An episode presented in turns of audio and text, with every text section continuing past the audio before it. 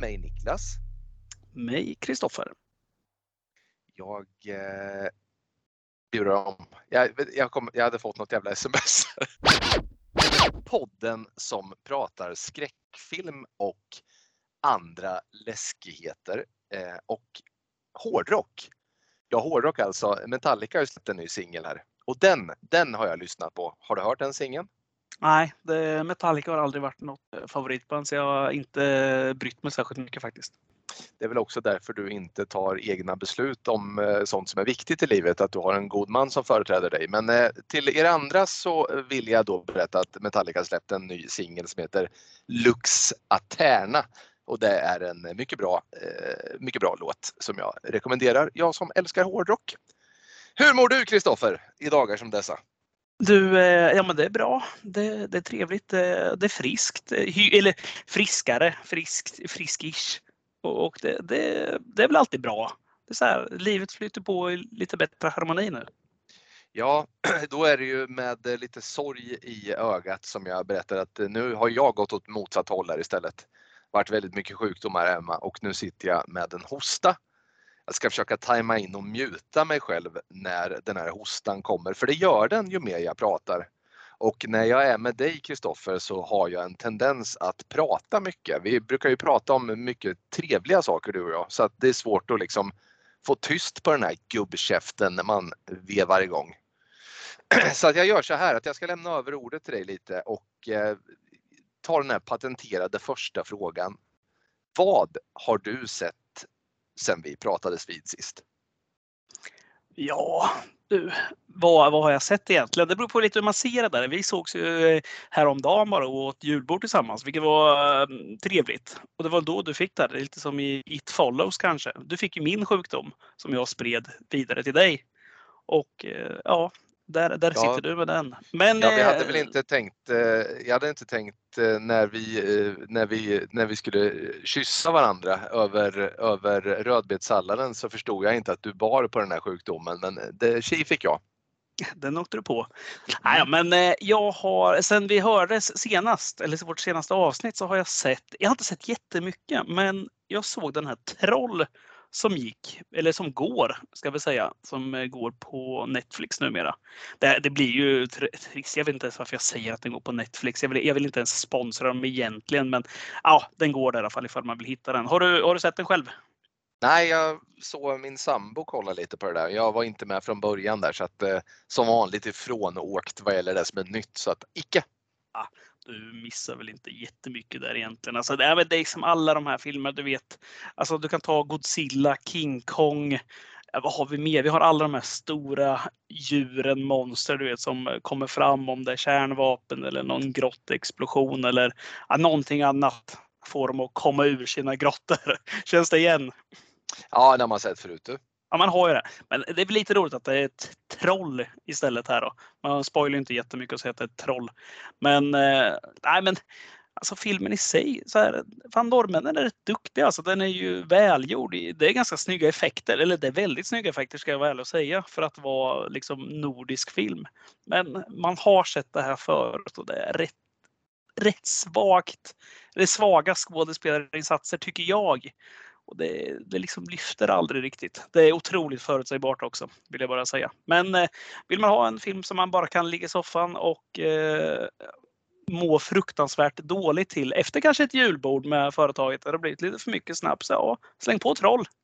Du, det bästa som kan hända är att du somnar och mår lite bättre när du vaknar. Den typen av serie eh, gör sig ofta ganska bra när man just är lite, lite bakis kanske och bara kan ligga och det bara händer grejer. Ja, det kan man uppskatta. Ja, ja, men så är det. Jag gick in och kollade nu bara betyget på den. 5,8 ligger den och snittar just nu på IMDB och jag vet inte, jag, jag skulle nog inte ge den betyg, något högre heller. Eller lägre. Ja, men det är en sån där typisk film. Det är en sån där som vi brukar säga, du vet, man kollar på den, sen är den glömd. Sen får man väl lägga till om man tycker det är bra eller dåligt, men det, för mig är det här, kommer det här vara glömt väldigt snabbt. Det är kul att det var ett troll. Trolljägaren mm. däremot, den är betydligt bättre. Den är ju tummarna upp på. Men den var väl otroligt bra till och med vill jag minnas? Ja, det tycker jag också. Det, det, det, men den, den håller jag högt. Det är ju en av de trevligare så här found footage-filmerna. Så Mm. den, den är schysst. Ja, men Bra. utöver det, vad, vad har jag sett mer? Jag har... Jo, jag började kolla. Du, jag lyssnar ju på ett tips från dig. Det är ju sjukt att du har tipsat mig om någonting. Ja, det är förutom eh. Metallica, Ja, som jag inte kommer lyssna på. Nej. Men eh, jo, men eh, du tipsar ju mig om The Watcher lite snabbt. Eller tips och tips. Du sa att du kollar på den. Mm. Och eh, jag tänkte ju att om du kan se den så måste väl jag kolla också. Jag trodde faktiskt jag skulle hinna se klart den före dig. Det hade ju varit ett under. ja.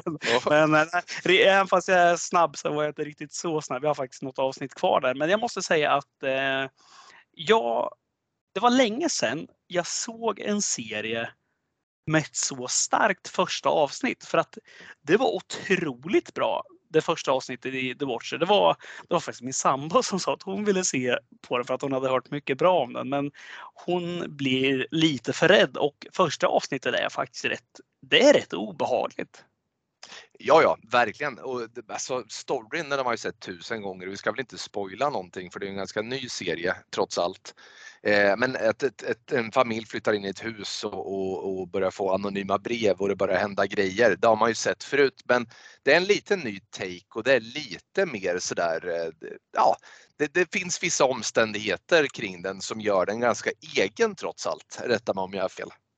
Ja, ja, men det tycker jag också. Sen, ja, sen utan att spoila som sagt, men det blir lite för mycket att de ska ut på utflykter och misstänka det ena och det andra ju längre man kommer och det, det där brukar jag ha svårt för. Men det är väl jättetrevligt för den som eh, gillar sånt. Man förstår Mm. att de kan göra, vad är det, 8-10 avsnitt någonstans där. Det blir ju, det är ju ofta 3-4 för mycket brukar jag tycka.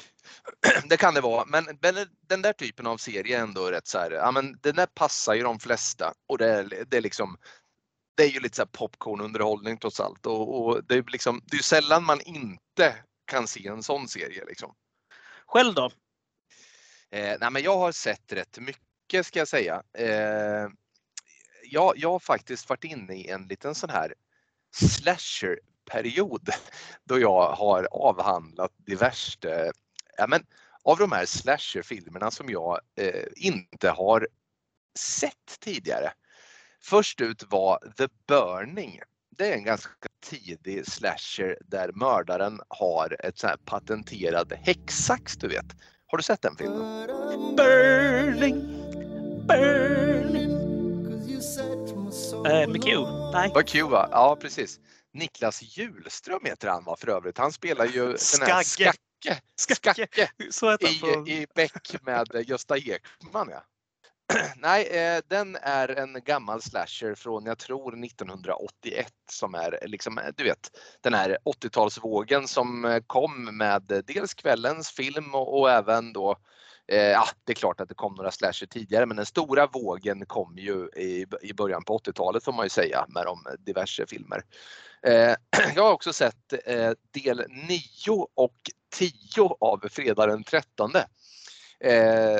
Det här är ju jäkligt, jäkligt många filmer i den här serien och för många så kanske det bara är liksom ett sammelsurium av, av delar som man omöjligen kan hålla isär. Men eh, jag valde att se del 9 alltså, för den hade jag inga minnen av och den heter ju då Jason Goes to Hell eller som vi har sagt här nu när vi har skojat lite sinsemellan eh, Jason far åt helvete och den eh, handlar ju då om hur Jason far åt helvete mer eller mindre via att eh, alltså han blir sönderskjuten men hjärtat fortsätter slå och folk blir besatta av Jason och blir då Jason när de har så att säga konsumerat det här hjärtat. Det var mycket, mycket lika svag som den låter. Eh, sen hade vi del 10 också när Jason åker till rymden och det, det kan jag inte ens prata med. Det ser ut som en riktig sån här gammal, du vet, sammetporrfilm från, från kriget och, och usla miljöer och en mycket svag del utav Jason. eh, nej, den kan jag inte heller rekommendera. Eh, igår faktiskt såg jag Gremlins 2 eh, med min son. En eh, mycket underhållande film. Jag blev nostalgisk där också, och kom att tänka på tv-spelet som han spelade förr det gamla Nintendo 8-bit-spelet som jag hade.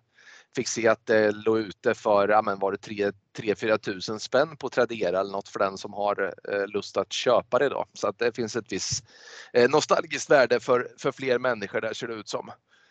Eh, I övrigt då så har jag inte sett så mycket tror jag. Man eh, ser väl lite grann. Eh, jag har ju slutfört eh, eh, Stranger Things och Cobra Kai så att jag ligger lite så här back på serier också nu. Eh, så att nej, jag, jag, jag eh, tuffar på. Jag, jag hyrde faktiskt eh, igår kväll så jag tänkte att jag, det är väl så 48 timmars eh, man har. Eh, då åkte jag alltså inte in till en, en videobutik och hyrde en film utan jag hyrde den på eh, SF Anytime och det är den här Happy Death's Day 2. Det är alltså en, en också en sån här du vet måndag hela veckan film fast en människa som upplever att eh, hon blir mördad eh, om och om igen och måste leta reda på vem mördaren är då. Eh, och varje dag börjar likadant. Första filmen var ohyggligt bra så att därför var jag sugen på att se den andra filmen också som faktiskt inte hade sämre utan till och med lite bättre betyg på IMDB så att det, det kan ju båda hyfsat gott i alla fall. Eh, så att jag har inte sett några stora verk. Däremot så har jag sett lite så små filmer som har puttrat på och eh, ingenting som direkt har eh, tagit mig med, med storm. En film såg jag, men det var ingen skräckfilm. Det var den här Pianisten. Vi mässade ju lite där du och jag då. Pianisten av Roman Polanski som ju vann en Oscar från, kan det vara det tidigt 2000-tal? Har du koll? Kan det vara 2002? 2002 ja. Eh, nej, den var, den var, vad heter det, den var väldigt, väldigt, väldigt bra men väldigt obehaglig. Ingenting man ser om direkt. Det var väl en sån som i vårt nya betygssystem då skulle falla under kategorin mycket bra och jag kommer inte glömma den. Så att eh, ja, mycket bra men, men gripande och hemsk såklart. Då. Han är tungärande en sån där som man, nej för fan man får en klump i halsen nästan man har sett klart den. Ja men det är också det här när man har, när det, du vet det blir det blir så jäkla påtagligt eh, ibland. Eh, det är klart att man har ju liksom hela sitt liv läst och tagit del eh, av liksom händelser kring koncentrationsläger och vad judarna fick utstå i både Tyskland och Polen och så under andra världskriget. Men när det blir så här filmatiserat eh, och, och liksom känns så pass äkta och trovärdigt som det gör i den här filmen, ja men då, då, då får man ont i magen. Så är det. Men, men en viktig film såklart och eh, väldigt, väldigt bra. Men du eh, Hoff, vad, vad, vad, har vi, vad har vi i kikan eh, till idag nu då? Har vi, har vi någonting på gång där som, som du har eh, förberett för oss? Nej, men vi har ju något som är rätt kul som kanske blir en liten stående punkt nu i tio avsnitt framåt får vi väl lov att säga. Och vi är ju en skräckfilmspodd. Det är vi ju. Det kommer vi inte undan ifrån. Det har vi sagt från början. Men vi ser ju rätt mycket annan film som vi pratar om så här innan. Innan vi kommer in på eh, dagens film brukar vi alltid gå igenom som vi gör. Och vilka vore vi om inte vi har en lista, en hundratopplista på filmer som vi tycker är världens bästa filmer enligt oss själva. Och det där är ju rätt kul för att eh, det skiljer sig garanterat mellan dig och mig. Jag tror vi har det, det är ju inget, alltså man, man slår, ska inte slå sig för bröstet och tänka att man sticker ut allt för mycket om man jämför med IMDBs topp 250. Kollar vi igenom topp 100 där så vågar jag nästan säga att 50 av de filmer som ligger med där kommer vi nog båda ha på våra listor. Eller vad säger du? Eh, absolut det här var ju en jäkla uppgift alltså. Eh, en topp 100-lista. Det är någonting som jag funderat rätt länge på och, och, det är väldigt svårt men väldigt kul också. Vi är väl ganska, så vi är lite som han i den här, eh, den här eh, du vet John Cusack i den här High Fidelity. Och Jack Black där de håller på med sina listor. Jag, jag, jag, jag har alltid älskat listor över saker och ting. Så att en, en, en topp 100-film eller en topp 100-lista över bästa filmer är, är väldigt kul det kan vara väldigt, tanken är att det ska vara väldigt subjektivt. Jag är inte alls ute efter att, att, att liksom, du vet, kopiera någon så här ansedd eh, Nils Petter Sundgren-lista utan eh, det här är subjektivt. Eh, men det har varit svårt, helt klart.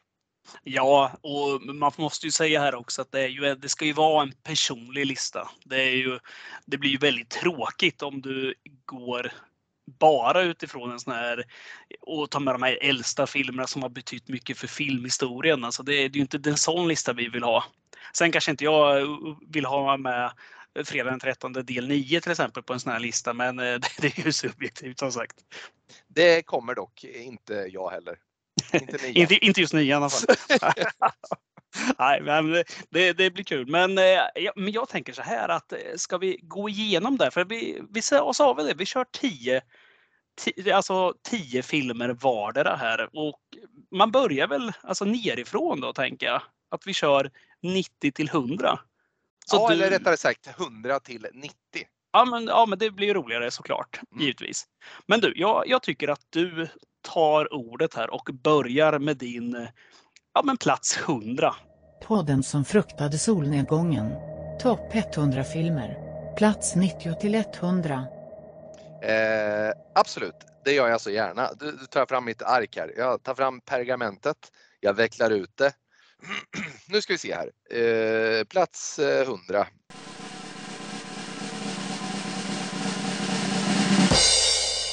Alltså topp 100 över mina favoritfilmer eh, i världen. Med reservation för att man inte har sett allt så att den här filmlistan kan ju komma att behöva revideras eh, framåt i takt med att man ser nya mästerverk. Man vill gärna ha en liten kommentar till varje film. Ja, ja, det vill man ha. Det, vill det man tycker ha. jag. Och eh, jag vill också bara säga det att eh, vi, vi, det, det, som kan bli intressant här som sagt var, det, det är de filmerna som hamnar utanför den här listan. För det är väl det som verkligen så manar till någon form av, eh, så här, det, vi får man anledning att skratta och kanske håna varandra lite grann. Men jag eh, vill också säga att de här hundra filmerna som är med på den här listan, det är ju hundra underbara filmer som jag älskar. Liksom, det är ju nära fem på allihop här misstänker jag. Men då kommer plats nummer 100 och det är alltså Tim Burtons Big Fish. Eh, och det här är ju en eh, underbar film som är en hyllning till, eh, till eh, fantasin och en hyllning till eh, sagan skulle jag vilja säga. Film nummer 99 på listan. Det är alltså First Blood. Alltså första Rambo-filmen med Sylvester Stallone från 1982. En eh, gammal klassiker och en film som jag har sett tusen gånger. Plats nummer 98 Dennis Villeneuves Arrival. Eh, vet inte vem om jag har blivit så gripen av en film eh, sedan, sedan eh, jag, jag vet inte. Jag, jag, jag blev, den, den grep tag i mig och eh, gjorde slarvsylta med mitt inre. Eh, mycket bra. Nim, nimmer nummer 97 Gremlins. Och det här är ju en gammal klassiker eh, och en eh, hyllning till monsterfilmen som sådan. Eh, så att eh, ja, plats nummer 97, Gremlins. Nummer 96. V för Vendetta. Och det här är ju en mycket underbar film med eh, Natalie Portman och Hugo Weaving i den här dystopiska framtiden i ett fascistsamhälle. Nummer 95. Shutter Island av Martin Scorsese med Leonardo DiCaprio som den här polisen som ska åka till en eh, fängelseö och reda ut ett mord eller försvinnanden. Nummer 94. The Blair Witch Project den här eh, milstolpen inom found footage-film om den här fake-dokumentären, den här mockumentären om det här sällskapet som ger sig ut i skogen för att leta rätt eller forska i den här Blair Witch-häxan. Nummer 93, David Finchers Fight Club med Edward Norton och Brad Pitt. En modern klassiker som tål att ses många gånger, vilket jag också har gjort Eh, med en mycket underbar twist. En, eh, riktig klassiker. Nummer 92. Martin Scorseses Maffiabröder. Eh, jag känner redan nu hur många som kommer känna att jag har dem för högt upp på min lista. Men märk väl, jag älskar dem allihopa. Men ett riktigt klassiskt epos där med bland andra Robert De Niro och Joe Pesci i huvudrollerna. Nummer 91, Ridley Scotts Gladiator med Russell Crowe. En eh, klassisk, eh, klassisk, episk, historisk film som är mycket gripande. Och eh, nummer 90, en barndomsklassiker och en film som jag inte kan bli trött på och vars leksaker utgjorde en mycket markant del utav de leksaker jag hade och det är alltså Ghostbusters, första Ghostbusters-filmen från 1984. Så det var mina första tio filmer av denna lista. Har du några kommentarer så långt? Jag eh, förfäras givetvis lite direkt här över att man kanske har missat filmer själv på sin lista. Eh, och skrattar lite hur dum man är. Men eh, samtidigt så är det ju listor och vad brukar vi säga? Får man den där frågan en annan dag, vilka är topp 100, så kommer listan antagligen låta helt annorlunda. Men, eh, men bra val! Alltså det är ju ingen som sticker ut som jag skulle säga så här, fan vad dåligt det där var, eh, valet. Utan äh, det, det är som vi har pratat om. Alltså det, man kommer ju offra en jäkla massa filmer på en sån här lista. Ja, herregud. Och som, och som vi sa, jag bara väntar ju på när man med iskyla ska inse att den här hade jag helt glömt. Så här. Det är sånt som händer. Ja, så, så, är det, så är det. Nej men du, var, det var ju bra filmer. Alltså det, eller det är klart som fan det är bra filmer. Ja. 100. Men nej, det var ingen som jag kände så här, eh, nej men vilket konstigt val. Utan allt var riktigt bra. Sen kanske inte jag har med det. Men eh, nej, bra. Mm, bra, då eh, lämnar jag över till dig. Jaha, vad, vad trevligt då. Eh, då ska vi se. Hoffs topp 100, plats 100. Och här, här, du hade sett Pianisten, pratade om tidigare. Jag såg en annan så, sådan film som är lite, lite enklare eller lite mer lättsam. Som jag tyckte, ja, men den sparkades in rakt in i hjärtat på mig. Det var den här Jojo Rabbit från 2019 av det här namnet kan jag aldrig uttala. Taika Watiti. Kan han heta så? Eh, ja, han får heta så. Han får heta så. Det är han som gjort de här Tor-filmerna. Det är inte, inte inga favoriter. Men just Jojo Rabbit, den tyckte jag var så Ja, men den var så jäkla bra. Den var så stark på, på rätt sätt. Väldigt bra film tyckte jag. Eh, och det är väl kanske det nyaste man har på sin lista också, inser jag nu. Eh, plats 99. Zac Braffs Garden State från 2004. Den är också så här, äh, du, du, man märker ju direkt vart jag är, på, vilka filmer jag gillar. Dramafilm med mycket eh, hjärta och eh, ja, men ganska mycket humor också. Plus ett för jävla bra soundtrack med Simon and Garfunkel, The Shins och så vidare. Och eh, ja, Zac Braff alltså. Och Natalie Portman. Jävlar vad bra de är i den här filmen. Peter Sarsgaard också. Otroligt bra sån här sidekick i filmer. Ska aldrig spela huvudroll. Alltid vara sidekick. Jättebra. Har du sett den? Jag har sett Garden State, men det är väldigt länge sedan. Och eh, jag för, alltså, jag, nu ska inte jag, jag, jag var säkert inte på humör sådär, men eh, jag vet inte fan, jag minns inte mycket av den och det brukar ju, ja, nej, jag har sett den, men det är för länge sedan. Jag förstår. Eh, plats 98. Eh, American History X från 1998. Jag vet inte riktigt vad det är egentligen, om den är så jävla bra. Men när jag såg den första gången så var jag golvad. Jag tyckte det var, då tyckte jag det var så sjukt bra. Den här har jag nog sett, ändå, jag har nog sett den tio gånger misstänker jag. tycker alltid att den är bra. Det är väl något med att Edward Norton alltid, han tycker alltid levererar också. Han är aldrig dålig i någon film. Han är alltid riktigt bra. Plats 97.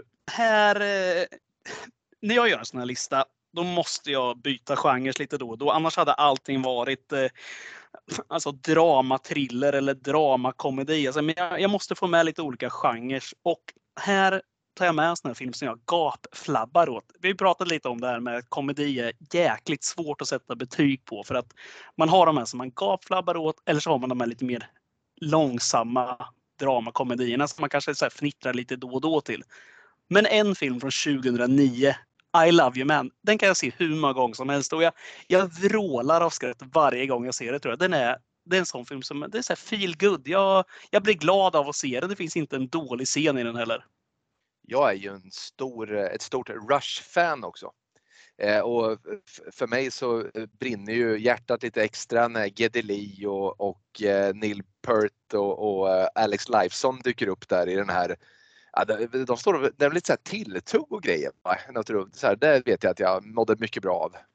Väldigt roligt när han står där och ska spela upp Rush för sin, eh, för sin sambo eller blivande fru. Och han, han ska visa hur, eller låta henne höra hur bra Rush är. Och han då spelar upp det i en sån här datahögtalare där ljudet är otroligt dåligt får man säga. Det blir liksom som fail. Jag, först, jag känner så väl igen mig det här när man ska spela upp någon så här schysst ljudbild och allting bara så här, aha, det vart ganska platt där. Ja, det, det går ja, men det är väl som att se Dune misstänker liksom på datorn eller något liknande. Så här, det blir liksom helt fel. Mm, ja, verkligen. Nej, men den är otrolig. Mycket bra film. Eh, plats 96. Då har vi en film från 1997. Copland. Eh, av eh, Stallone, va? Om jag inte minns helt fel. Och ja. Det är ju en sån film som jag tycker är så härlig just för att Stallone faktiskt får Alltså han får agera igen. Han, han har ju haft en liten, liksom, den perioden som varit innan har inte varit Stallones starkaste får man väl säga. Utan där är, blir det lite så här revansch igen känner jag. Han har ju, alltså han, han har ju varit alltid, han är ju Stallone när han spelar förr, liksom, när han gjorde Rocky, när han gjorde första Rambo, så då får han ändå visa lite att han är en bra skådis. Men sen vart det ganska mycket av de här actionfilmerna som kanske gick lite på autopilot där. Han behövde kanske inte just agera för att de skulle slå. Men i Copland är han så jäkla bra. Ja, men jag håller med dig. Jag ska bara revidera det där. Det är James Mangold som har gjort filmen. Ja, förlåt. Det är det. Men, men Stallone i övrigt där, jag håller fullständigt med för att det här är ju typ den enda filmen som Sylvester Stallone har gjort där inte liksom, det ändå är fokus på hans muskler utan han gick ju upp ganska rejält i vikt i den här rollen och han, enligt rykten så gick han med, med på en riktig så skitlön bara för att han så gärna ville ha rollen. Och jag tycker att han är fantastiskt bra i den här filmen faktiskt. Det absolut, absolut. Eh, det blir mycket 1997 på den här listan inser jag för att nästa Underbart film, plats Ja, eh, visst är det. Helt, helt sjukt bra filmer. Men plats 95 mm. i alla fall. Då går vi in på en sån här riktigt hårdkokt action som är löjlig. Och det som vi brukar prata om, det är popcornunderhållning i sitt nötskal. Det är Face-Off med Nicolas Cage och John Travolta av John Woo. Det här är en jag, har sett två actionfilmer som, jag, som har golvat mig totalt.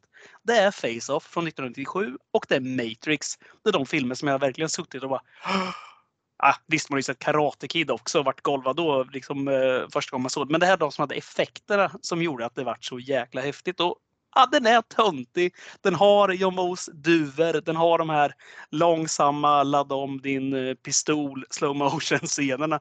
Men på något sätt är det så jäkla skönt ändå. Alltså man bara glider med och det är underbart hela filmen rakt igenom. John Woo har ju också någon form av, eh, han har någon förkärlek för att när folk byter nyllen med varandra också. Ja det gillar han. Även i Mission Impossible 2 byter de ju nyllen hela filmen. Ja, på samma... Jag, jag måste bara förklara det, att eh, det här med, med duvorna som alltid dyker upp i hans filmer. Lika mycket som jag älskar det i Face-Off, när de här duvorna flyger förbi, lika mycket hatar jag det i Mission Impossible 2 för att det liksom blir larvigt till slut. Mm. Men det funkar, i, det funkar ju otroligt bra just i Face-Off första gången. Ja, schysst rulle. 94 då kommer faktiskt Lars von Trier in med sin Breaking the Waves från 1996. Och det är ju inte någon feel film alls där. Men den filmen den letade sig in i hjärtat och jag mådde jättedåligt efter att ha sett den. Men jag kommer aldrig glömma den. Och jag tyckte den var jäkligt bra. Den är... Jävlar vad tragisk den är. Plats 93, då blir det lite lättsammare igen. Slumdog Millionaire från 2008 med, av eh, Danny Boyle. Den vart ju också så här, fan vad härligt med film som inte är, liksom utspelar sig i England eller i USA utan den är verkligen i Indien. Danny Boyle är lite hjälte för mig. Jag tycker han eh, gör ruskigt bra filmer och eh, den här, eh, det var härligt att se. Jag hade aldrig sett liksom, skådespelarna tidigare heller utan då blir det alltid lite extra. Men är fin. Oerhört snyggt grepp också. Snyggt sätt att berätta en historia. Ja, verkligen, verkligen. 92.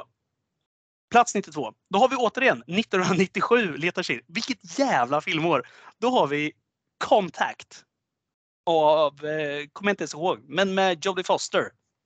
Den är bra. Har du ja. sett den? Eh, jag, jag pratade, det här kommer dra iväg, det blir ett långt avsnitt. Jag, jag, kontakt, jag vill bara säga det om den filmen. Jag var inne på det lite för något avsnitt sen när jag skulle precisera vad det är som gör en bra film. Det första är alltså grundhistorien. Den här historien om att man får kontakt från yttre rymden. Eh, alltså, hur kan man se för många sådana filmer? Nej, absolut inte. Det är en fantastisk film. Jag tycker jättemycket om den. Ja, den är underbar. Ja, kul. Jag, jag kände bara, jag letar lite så här i de här längst ner i fickan liksom och försöker hitta de här som är guldkornen som är, kanske inte riktigt ploppar upp direkt, du vet.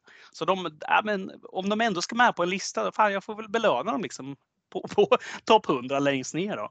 Men eh, plats 91, då kommer Deliverance, Sista färden från 1972 med bland annat Burt Reynolds och eh, vad fan heter han? Eh, Angela Jolies farsa. John Voight. Ja, precis. Squeal Like a Pig, Sista färden. Underbar film. Ja, väldigt. Man har ju grundlagt någon form av fruktan för de amerikanska skogarna. Ja, ja i alla fall för folk som bor där. Ja. ja nej, det. Och men om man har fruktan för amerikanska skogarna så behöver man inte känna lika mycket fruktan för plats 90 här, för då, då kommer vi till Sverige igen. En av de få svenska filmer som är med här. Och det, det kanske är lite töntigt, men Sagan om Karl-Bertil Jonssons julafton 1975. Det är, det är, det är så jävla fin bara. Så ja. den, den, det kanske, det kanske passar mig för jävla bra bara. Men den speglar fan mig själv tror jag på, på mycket. Den, eh, den klappar mig medhårs för allt jag tror på. Och jag kommer inte på en bättre julfilm eller liksom en fin film. Den, äh, den, är, den ska vara där det är ju så att eh, eh, en likhet mellan, mellan eh, Karl-Bertil Jonssons pappa och din pappa är att båda har närt en kommunist vid sin barm. Så är det Ja, det, det, det må vara. Nej, men det är, det är ju en fantastisk historia såklart. Det är, den är ju oerhört gripande alltså.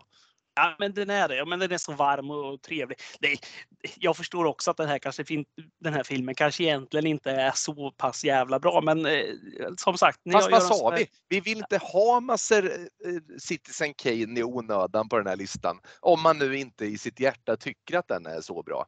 Nej, jag, jag skiter i vad den har haft för effekter på, på världen i stort. Jag vill bara veta så här, bästa filmerna som man själv älskar. Det är där en subjektiv lista handlar om. Du har ja. min fulla välsignelse här. Ja, men vad bra. Jag, och jag som sagt, jag måste få med lite olika genrer också på en sån här lista. Annars, eh, annars hade det inte varit en lista av eh, Hoff. Så är det. Nej, nej. Ja, men det var spännande. Fan, det här var ett roligt grepp. Ja, väldigt kul. Nu har vi ju att göra några avsnitt framåt. Ja, upp till eh, eh plats ett där. Sen mm, kör vi ja. alltså topp 100 dåliga filmer också. Ja, just det kommer vara väldigt spännande. Ja. Reino Mimmi i fjällen skulle ligga bra till där. ja, ja, det skulle den göra. Och eh, Sagan om Konungens återkomst också.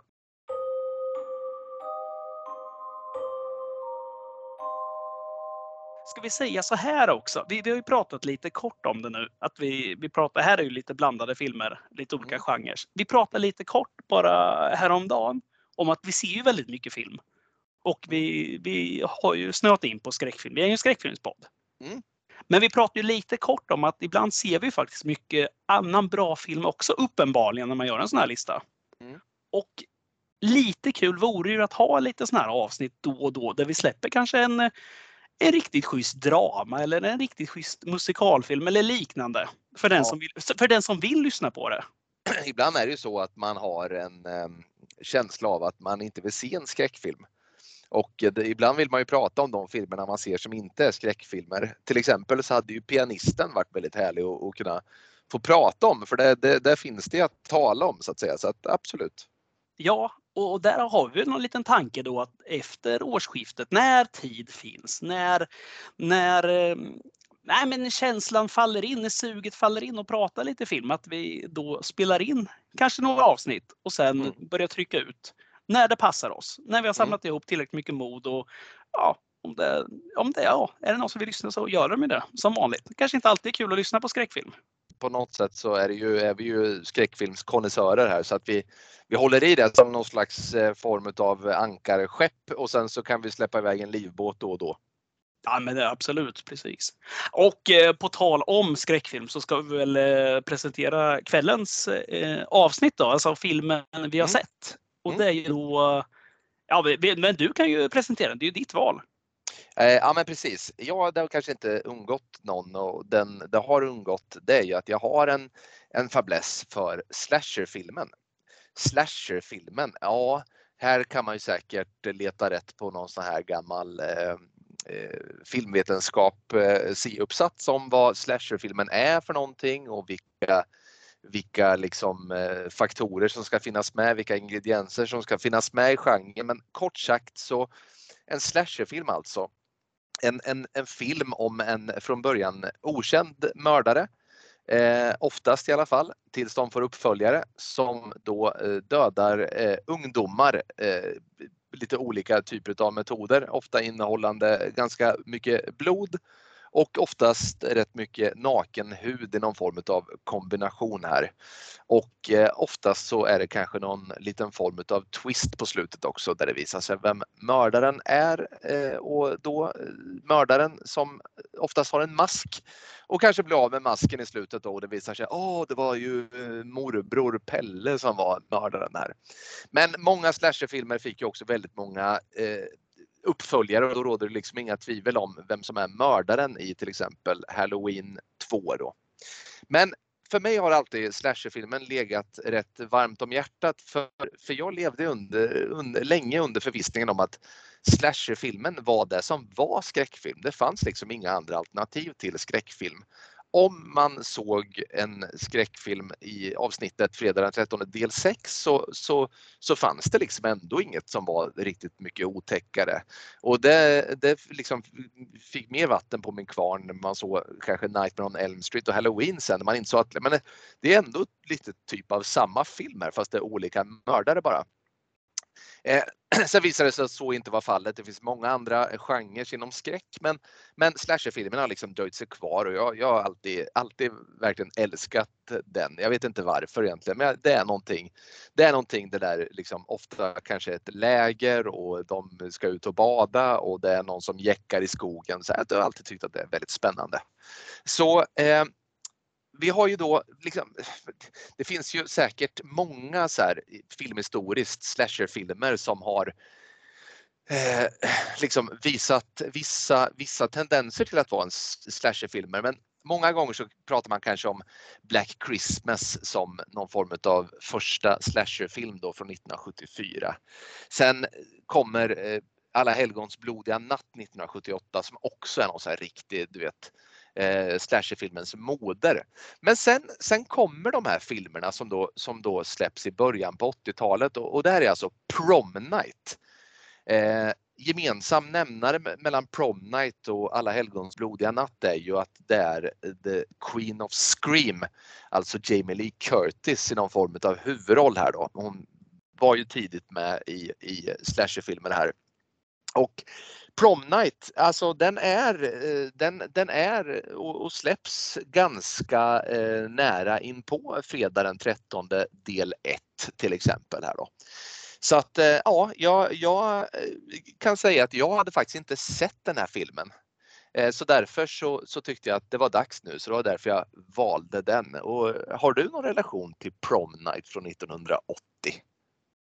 Nej, jag, jag har faktiskt inte det alls. Det här är en sån där film som jag vet inte om jag har sett den eller inte. Jag, när jag såg den nu så ringde det ingen så här klocka att nej, men den där känner jag ju igen. Utan jag tror nog jag kanske har sett. Men du vet, så här, man såg ju så jäkla mycket film där ett tag. Och det, där, mm. det här är en sån film som den kan absolut, jag kan ha sett den. Man kanske satt och höll eh, någon tjej i handen och var mer intresserad av det under tiden och den bara fa fallit i glömska.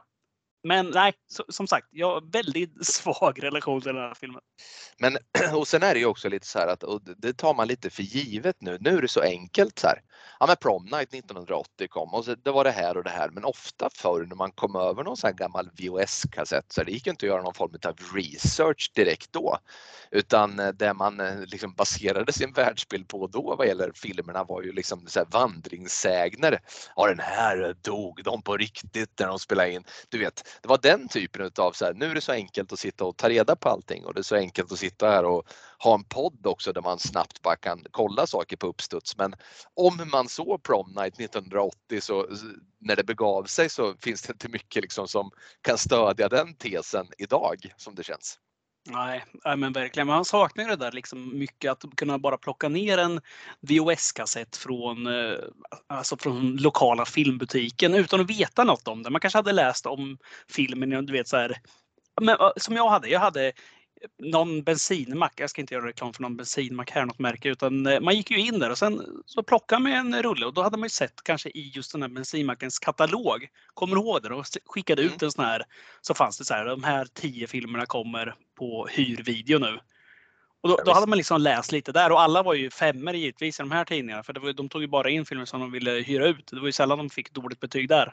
Ja, allt, nej, var, nej, nej. allt var superbra. Och ja, där ja. vart man ofta insåld på, på riktiga skräprullar också. Men samtidigt det var också det enda man hade att gå på. Det gick ju mm. inte. Du kunde inte sitta och dra fram IMDB och kolla. Den här filmen har 2,5 i betyg av 10. Det, det vill säga att man skulle aldrig rört en betong. Utan här Nej. var det ju, här såldes ju filmerna in oftare med en schysst framsida. Alltså Precis bra... som CD-skivor och LP-skivor gjordes. Verkligen. Alltså att man bara gick på vad som var snyggast helt enkelt, coolast. Ja, och hade jag varit född, alltså lite tidigare här, nu 1980, det är fem år innan jag föddes, så det är väl eh, ja, 15 år efter att du föddes. Men den, den, det är kul också att jag varierar. Alltså jag, jag, jag varierar födelseår allt mellan 1953 och 1983. Det är alltså, jag är född 83 och det är alltså det, det, det, absolut senaste jag varit född. Det är väldigt svårt att sätta ålder på dig. Man vet att du är någonstans mellan 45 och 60. Någonstans där, ja. det vet vi om. Ja. Nej, men det, nej, men det vi ville komma till bara var ju, vi glömmer din ålder här, eh, gammal är Men eh, den här framsidan, alltså Prom Nights framsida, den är ju, den är ju snygg. Alltså det är den här maskbeklädda personen med en kniv i handen. Mm. Eller är det en skärva? Ja, förlåt, det är en skärva är det givetvis. Mm. Efter, efter vi har sett filmen så är det givetvis en skärva. Men eh, den är, den är ju snygg. Ja, visst. Och det här är ju, alltså, vet du, egentligen skulle man ha ett, nästan ett avsnitt om bara alltså, filmcovers, alltså omslagsbilder för att det finns mycket på de här. Alltså. John Carpenters The Fog. Uh, ja. det bara, jag bara kommer fram mycket nu i huvudet. Alltså. Ja men eller hur, visst är det roligt alltså. Det är ointressant för att det här, alltså 1980, då har vi fortfarande jäkligt snygga såna här eh, framsidor. Nu mm. idag är de ju, det är ju inget att hurra för. Det är ju otroligt sällan vi ser något som är så här, oh, jag, jag hyrde den för att den här såg snygg ut. Det, det är ju mer för att någon sticker ut numera. Alltså att Absolut. det återgår till något så här enkelt, alltså minimalistiskt snyggt. Det är sällan det är snyggt på något annat sätt. The Witch är jävligt snygg framsida ja. på. Ja. Och det är för att den är så enkel också. Mm. Jag håller med. Men det här är en sån film, det jag vill komma till var att det här är en sån film som jag hade kunnat plocka ner. För att den ser så jäkla härlig ut. Den är Visst. enkel och jag tänker så här, äh, det här kommer att, det här kommer att vara schysst. Ja, nej men så är det. Och, och någon form av, eh, liksom, det, finns någon, det finns något väldigt så primitivt och enkelt. Och ofta, alltså, man förstår ju, man förstår ju vad den här filmen handlar om. Det handlar om en maskerad man som, som har eh, någon form av hotfullt verktyg till hjälp. Eh, och, och, så är det ju också i den här filmen. Ska vi göra så här att eh, jag, jag bara berättar för dig här nu vad vi har att jobba med och sen så ger vi oss iväg ut i prom night-världen. Under sex långa år har de fyra high school-eleverna Kelly, Jude, Wendy och Nick dolt sanningen om vad som hände den då tioåriga Robin Hammond dagen då hennes kropp upptäcktes nära ett övergivet kloster. De har hållit hemligt hur de hånade och skrämde Robin som skräckslagen backade för att sedan falla genom ett fönster mot sin död. Men någon annan var där den dagen. Någon annan såg vad som hände och är nu redo att utkräva mordisk hämnd på The Prom Night. Ja, men du, eh, tack för eh, en trevlig inläsning. Det är ju exakt vad filmen handlar om. Det går inte att vara mer eh, enklare, enkel än så här. Det är ju Nej. precis det här.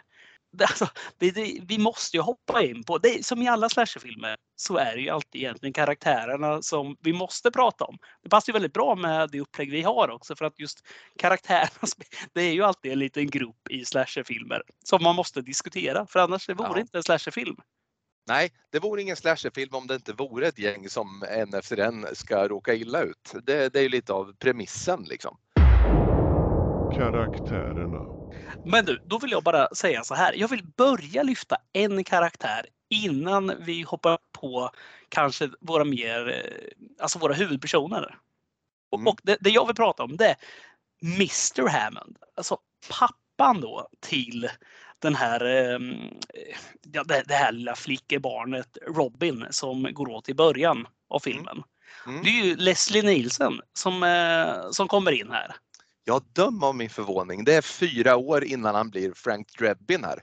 Ja, Mm. Och det, det här är också väldigt kul. Alltså. Det, det här omslaget som vi pratade om innan, det, den, eh, det stoltserar ju verkligen med att just Leslie Nielsen är Mm. den stora skådisen här. Ja, han står ju före Jamie Lee Curtis. Mm. Och det, ja, jag, jag, du vet, det, det är så här. Jag har jättesvårt att se vissa. Det, det här är ju något som eh, det är något tics eller Tourettes som stör mig, men jag har så svårt att se vissa skådespelare i en annan typ av roll ibland. När de, liksom, de, är så, de är så evigt förknippade med en viss karaktär. Ja, Och Visst. Leslie Nielsen, alltså jag, jag kommer nog aldrig kunna se honom nu. Det är ju är klart jag inte kommer det, han är ju död. Men alltså det, han är ju Frank Drebin. Det är ju där han är. Han kan ju inte vara någonting annat. nej, alltså, och hela, hela, alltså, det spelar ingen roll hur seriös eh, Leslie Nielsen än eh, må vara. Nu har man ju sett honom, han är ju med i en Creepshow-film. Har du sett den? Där han Mm. begraver ett par upp i sand och så väntar på att eh, ebb ska bli flod. Jajamän. Och sen så får han ju påhälsning av dem. Sen, faktiskt en jävligt bra historia. Eh, det, han, har, han, har ju, han har ju egentligen i sitt artilleri att vara någonting annat. Men det är likadant för mig. Jag blir ju full i skratt bara jag ser Leslie Nielsen för att jag har skrattat så mycket åt eh, nakna pistolen i min, i min dag. Eh, och, eh, och, och, och därför, eh, bara jag ser hans ansikte. Det är lite som med Will Ferrell. Det räcker att jag ser karln så blir jag full i skratt. Så att jag, jag in, instämmer. Ja, men det, det, det var bara väldigt roligt. Det finns ju några stycken sådana där. Så här, jag kommer ihåg när Jim Carrey skulle försöka, eller försöka, han gjorde ju svinbra när han gjorde den här Truman Show. Alltså det var, missförstå mig rätt, det är ju en komedi liksom eh, Mm. fortfarande. Men det är ju en helt annan typ där. Han spelar ju seriöst i den utan Mm. att vara det här gummifacet. Men jag kommer Precis. ihåg hur svårt jag tyckte det var där. Det var ju när han var så inne i sitt liksom det här flowet och han var ju gummiface med hela världen där. Ja, Det var jäklar vad svårt Ja, att ja, men jag se dig. seriöst då. Och jag tycker nästan att det var så att det märktes på honom att han också hade det lite svårt. För att alltså filmen, är, den just en Truman Show är ju, den är ju väldigt, alltså idén är ju väldigt intressant. Och den är ju väldigt så här utifrån hur det var då med alla de här eh, liksom såpoperorna och så vidare så, så var den ju jäkligt rätt i sin tid. Men det märks också att till och med Jim Carrey har lite svårt att liksom inte gå bananas så som han gör. Han spelar, han balanserar på en tunn tråd där tycker jag. Han, det, det är inte helt lätt heller för skådisen att vara något annat tror jag.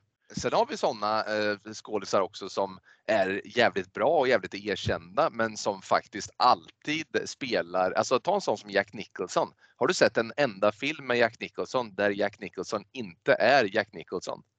nej, nej, han är alltid Jack Nicholson. Det- är ju, det är liksom, han, han har ju liksom, det, det är ju, och lite så faktiskt med Robert De Niro också kan jag tycka som en annan så här favoritskådis jag har. Han är också, han är Robert De Niro liksom, det är på något sätt. Så att Ja. eh, man kan ändå uppskatta dem som har ett så här, och då, då måste jag säga, det är då jag tycker att man faktiskt kan säga att sådana som, som Christopher Walken, du brukar lyfta Ethan Hawke till exempel. Eh, de är ju inte alltid Ethan Hawke och Christopher Walken utan de blir något annat och det kan jag faktiskt uppskatta med en skådis. Det är också väldigt roligt när du, när du säger Christopher Walken. Alltså även om han är Christopher Walken, alltså som han alltid är. Han är ju lite så här, han är ju lite flummig ofta får man väl Mm, säga. mm. Ja, Men han kan ändå sitta och vara Christopher Walken. Alltså där, han är ju seriös men flummig. Förstår du vad jag menar? Ja, Och då kan men han kan också vara djupt obehaglig liksom. Ja, men, och exakt så. Men då är det väldigt roligt när han i till exempel eh, Pulp Fiction, när han sitter och är helt allvarlig och sitter och berättar om den här jävla klockan som hon har burit i arslet så pass länge. Alltså det blir som väldigt rolig grej där. Det är väldigt kul att sitta och leverera den dialogen tycker jag. Om Ja. den här jävla klockan som har burits i arslet av flera olika personer. Och på det sättet blir väldigt kul. Det, det, är sällan man ser liksom, alltså, det hade funkat om De Niro gjorde det också men ofta kommer de inte in i just den dialogen, den typen av dialoger. Vilket blir Ja. väldigt roligt. Ja, men Walken verkligen. Sen, I och för sig, Walken, du har nog rätt förresten. Alltså, Christopher Walken kanske är ett dåligt exempel för han är ju väldigt mycket Christopher Walken. Men han är olika roller i alla fall som man kan vara eh, Christopher Walken i och Christopher Walken kan vara på olika sätt men han är Christopher Walken. Eh, Ja. Du har nog rätt. Du har nog rätt. Ja. Eh, Vi, vi, vi, vi lämnar eh, ja, vi, vi, lämnar, vi, backar tillbaka till, vi är på Leslie Nielsen ja, i. I, i rollen här som pappan till barnet som har, som har dött. Mm. Och nu pappa till Lee Curtis karaktär. Mm. Och Eh, hennes- Kimberly Hammond. Ja, ja, och hennes bror. Tvillingbror. Alex Hammond. Precis. Mm. Vi, vi lämnar Leslie Nielsen som sagt. Vi, vi kan komma in Mm. på honom sen istället. Jag tycker vi pratar lite om just... Eh, ja, men vi pratar Jamie Lee Curtis, Kimberly, eller Kim då, Hammond. Mm. Vad är det för någon vi har att göra med? Ja men eh, Kim Hammond, alltså som sagt var, en, en, ehm, är hon en, eller är det tvillingbror till Alex? Ja, med tvillingar. Eh, ja, men hon känns ju som en, som en, om vi säger så här då.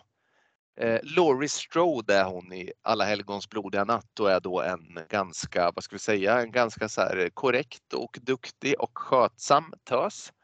I den här filmen så är hon men alltså inte heller urballad på något sätt utan känns ganska så här eh, ganska stabil i lynnet men är väl här lite utav någon mer poppis tjej i skolan.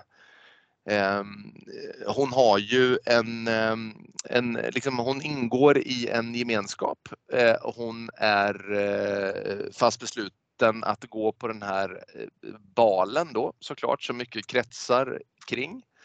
Eh, Och hon har en, alltså hela hennes aura, jag skulle säga om Jamie Lee Curtis snarare än Kimberly Hammond i den här filmen är att Jamie Lee Curtis tycker jag bär upp någon form av liksom värdig fasad alltid. Alltså hon, hon, hon känns värdig och således känns också den här karaktären ganska värdig är min känsla. Vad har du för känslor kring Kimberly Hammond? Ja, men jag är nog inne på det du säger också. Det som slår mig liksom orden liksom så här, lite skinn på näsan. Alltså hon är en sån där som du inte, ja, men du sätter inte på henne liksom. Men hon, har, hon kan säga ifrån. Det, det är den bild jag får av henne. Och eh, du sa ju att hon var poppis här och pratade om den här balen och visst är det så för hon är ju, alltså hon är prom queen. Så att hon är ju, jävla konstig grej för övrigt det här med hade ni så på, när du gick skolan också där för 20 år sedan, med det här med mm, Varför miss- skrattar jag? Nu vart det ju 20 år var korrekt. Jag bara väntade på att du skulle säga 40 år sedan. Jag tänkte faktiskt att det lät länge sedan, men sen inser jag hur gamla vi är. Men eh, Ja. hade ni också så här Mr och Mrs. Eh, eller Miss eh, och sen skolans namn? Ja, det, det kan du ge fan på att vi hade. Eh, nu var jag aldrig på tapeten för att vinna någon sådan utmärkelse, men det hade vi absolut. Ja, men hon, hon känns lite så här som en untouchable i sitt kompisgäng också, så att absolut skinn på näsan och naturlig övergång där hennes bror Alex Hammond kanske inte riktigt har samma status. Vad, vad, vad tycker du om honom? Man får inte veta så där jättemycket om Alex. Alltså han hänger i bakgrunden. Han är lite så här. Han är inte comic relief på något sätt, men han är lite den här han skojfrisk eh, mot sin syrra. Och eh, ja, men han hänger i bakgrunden. Han verkar vara en sån som hjälper till. Liksom. Man, man får den bilden av Han verkar vara en schysst kille. Mm, ganska bra relation va? mellan just eh, Kimberly och eh, Alex. Som, som tvillingar ofta har skulle jag säga. Det känns Ja. som det. Liksom så här. Nej, men, verkligen stereotyp tvilling. Mm, ja, precis. Men hennes kille då? Hon är ju tillsammans med Nick här. Den här Mm. eh, som var med då när eh, Robin Eh, Robin föll. tappar namnet jämt där. Precis, han är en av dem som är med. Det har gått, vad är det, sex år har gått Ja, sen hon föll, där, föll illa. Han är ju då tillsammans med syrran nu då. ja, precis. Nick står ju, alltså om vi säger så här, Nick utgör ju då 25% utav det kompisgäng som ja, mer eller mindre eh, frivilligt då. Det var ju en olyckshändelse som eh, ledde till Robins eh, död. Det känns ju, eh, känslan man får av honom där är ju att han är väldigt nöjd över att vara ensam grabb i det här tjejgänget. Eh, och som lite tupp i, i hönshuset där så, så har han väl också lite status. Man får känslan av att han har det som barn och han har det ju i synnerhet som vuxen. För det är ju han som är som sagt tillsammans med Kimberly Hammond och som då eh, eh, han han är lite åtråvärd också får vi ju känslan av. Från dels gamla deltagare i det här kompisgänget men också generellt så, så utgör väl Nick och Kimberly Hammond då någon form utav eh, eh, par som hade kunnat vinna eh, liksom partävlingen Mr och Mrs och sen skolans namn om vi säger så. Ja men så är det väl. Han är väl eh, alltså den som vann det där. Han är väl Mm. prom king liksom. Prom King, ja. Ja. Men, vet, du, jag, jag tänkte direkt på när jag såg honom där, eh, rätt om jag kanske har helt fel här, men jag tänkte på Gene Wilder direkt från Blazing Saddles, alla de här Det våras för-filmerna. Det är direkt Ja. krullhåret som dyker upp. Ja, Han varför inte? väldigt lik honom där. Gene Mm. Wilder hade gjort rollen bättre misstänker jag. Härlig. Mm. Nej, jag, eh, Nick alltså, vad... Vet du vad som slår mig med alla de här, hela det här gänget, kompisgänget, det är ju att Mm de verkar inte bry sig jättemycket av vad som hände där för sex år sedan. Det enda lilla eh, liksom, jag hade ju inte kunnat, nu är jag ju liksom en känslig själ själv, jag hade aldrig kunnat eh, så att säga, jag hade gått under eh, av något sånt. Men den enda liksom vinkningen man får om att han på något sätt är medveten om vad som har hänt är ju när han står och väntar på Kimberly barkvällen han väntar att hon ska komma ner för trappan där så är det ju en bild hemma hos familjen Hammond på Robin då. Då tittar han lite drömskt mot den här bilden men sen är det ingenting mer med det verkligen. Men det är att den- också, ett, förlåt om jag avbröt dig, men det är ju Nej. ett av de enda sätt också vi får reda på att Robin faktiskt tillhör den här familjen med Jamie Lee Curtis och Leslie Nielsen och Mm. Alex. Det är, det är ju inte några jättedjupdykning vi gör som förklarar det här att ja, men det här är syrran. Alltså det är ju väldigt kort. Tittar du bort en sekund eller tittar ner i mobilen, då är ju, fladdrar det där förbi på en sekund. Ja men det, det gör det. Och de pratar om att det är så många år som har gått men det har alltså gått sex år och det är ju inte så lång tid. Nej, det, Eh, alltså det är ju väldigt kort tid. Och eh, de är ju tillräckligt gamla barnen för att eh, alltså, jag, alltså återigen, man ska akta sig för att göra sig själv till någon form av psykolog eller så här bildad inom det mänskliga lynnet. Men det där känns ju som någonting som, som eh, hade kunnat spela en ganska stor roll i vardagslivet. Eh, att, att, något, att, att en sån här tragedi skulle ha hänt i en familj alltså. Ja, vi, det är det jag tänker på direkt. Vi pratade ju om den här filmen Det oskyldiga för några avsnitt sedan. Mm. Då, där var ju barnen säkert yngre. De var väl runt eh, 8-9 där om jag inte Mm. missminner mig helt. Mm. Och där pratar vi om att den här moraliska kompassen, den eh, inte riktigt infann sig hos alla. Eh, och du var inne på att du, du kanske tycker att där brukar man ändå ha en moralisk kompass, eller en bättre moralisk kompass Mm. de här barnen, de är ju ändå två eller tre år äldre. De har Ja. ju en än sämre moralisk kompass. Ja, eh, och de här går då, eh, när, när den här olyckan händer så går de i motsvarande, om de är 12 år så går de i motsvarande sjätte klass. Eh, det- alltså, då är man ju ändå, man är ganska stor. Kan man tycka. För att, alltså att någon i alla fall i, av de här fyra, vi kan väl säga det också för att det är ju det är ju, förutom Nick då, så är det ju en, eh, en, någon form av ledargestalt. Ska vi, ska vi gå in på dem Hoff så kan vi gå vidare där sen. Alltså det, det är ju Wendy då. Det är Wendy som något, på något sätt så får alla att eh, svära en ed på att de inte ska berätta om Robins död.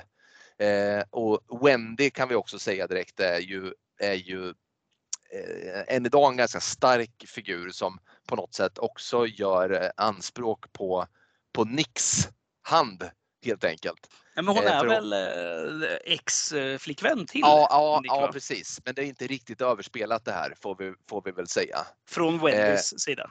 Från Wendys sida. Nick gillar ju Kimberly, eh, helt klart. Men Wendy hon vill, eh, hon, hon vill helt enkelt Ja, det är möjligt att Kimberly går till balen med Nick, men hon ska gå hem från balen med Nick. Det är planen.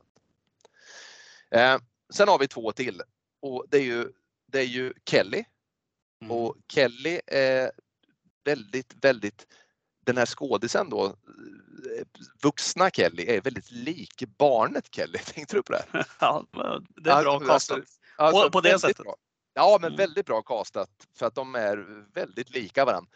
Och hon får man väl intrycket av att när det här, det här liksom beslutet tas att hålla käft om vad som har hänt så är Kelly den som har kämpats med det. Eh, Ja, ja alltså, alltså, Ingen har svårt, men hon har svårast. ja, men verkligen. Och hon känns ju även i vuxen ålder som den här, men jag vet inte, hon är väl den mest sympatiska av dem. Om någon nu är sympatisk så är hon den här lite, men som ändå velar lite, som inte riktigt vågar göra saker, som är liksom så här, som tänker efter en extra gång. Eh, De andra känns inte riktigt där. Hon, Mm. ja, hon slår mig som en mer normal person. Ja, och hon är ju också den som drabbas hårdast av att ja, det börjar ju ringa i deras telefoner inför den här eh, prom-nighten och det viskas då eh, hotfulla saker om att eh, kvällen kommer eh, då eh, de ska få betala för vad de har gjort. Och då är ju, då är ju eh, Kelly den som tar hårdast vid sig av de här samtalen. Det får, det får man väl säga. Ja. Eh, och, så, och, så, och så har vi ju Jude också då. Den, den som vi kanske får veta minst om egentligen. man, när man säger om man säger så här, Jude. Det, tänker du att när Jude presenteras i vuxen ålder, tänker du så här, nej men hon lär ju överleva hela filmen. Nej, man får nog snarare känslan av att hon har, eh, alltså oddsen pekar på att hon dör först. Skulle kunna ha en så här tidsnedräknare stämpel i pannan. Så för att det, man vet bara så här, nej, nej, nej, nej, nej, lilla vän. Det där kommer skulle kunna gå bra." ha en sån här klocka som är in time, att den räknar ner på handleden då tills eh, man ska dö. Exakt så. Exakt så. Ja. Ja, det är den grupp vi har. De här vedervärdiga barnen som nu har vuxit sex år. Ja men eh, precis och, och då var vi kvar i det här med att det, det, det tycks inte som att någon av dem direkt har, har nej, de, de eh, sex år har gått, de var 12 år när det hände. Det är en, en eh, sällan skådat rövgäng med tanke på hur de kan tiga om vad som har hänt och ändå fortsätter tiga. Liksom. Så att, eh, speciellt eftersom de också umgås med i synnerhet Kimberly. ja, det, ja, det kan man tycka vad man vill om men schysst är det inte. Nej, nej det är inte. Men eh, vi, vi har ju lite fler karaktärer. Vi har ju, alltså det, det hela filmen handlar om, det är ju precis som titeln, alltså prom night. Det är inte, de, det är inte prom night, det är inga båtar i Värtahamnen som samlas utan det är dans. Och eh, vi har de här som dyker upp här, de här andra karaktärerna som måste men måste vävas in på något sätt. Vi har eh, den här Mr Sykes som är någon slags vaktmästare på skolan. Kommer du ihåg honom? Ja, i, i det lilla, ja han går och muttrar mest va? Ja, men så här, vet, glasögon stora som flaskbottnar neddragna på nästippen. Och väl, sär, sällan skådad ful frisyr och ser bara allmänt mystisk ut. Får du känslan av att han är mördaren direkt? Nej, man, man, man, får- man, får, man får känslan att han eh, troligtvis är en, en stor kandidat till att vara mördaren. I just det här fallet kan man ju säga direkt att eh, eh, mördaren hade man redan avslöjat innan man ens fick se vaktmästaren. Så var det för mig i alla fall. Ja, ja så är det. Nej, men sen har vi kanske en av filmens större eh, roll eller karaktär och det är ju den här Lou Farmer. En, Lu- en, en Lou måste alltid finnas med i den här typen av high school-filmer. Han måste alltid finnas med. Ja, det, det är ju en sån här karaktär som sticker ut. Alltså en sån här bufflig jävel. Sån här som missköter skolan. Han är liksom men vem är han? Han är liksom Stifler. Han är en av de här i Greaser-gänget i Grease. Och han är... Ja men, han finns liksom med. Han är den här killen med handskar i, eh, vad, vad heter den? den här Don't you forget about me.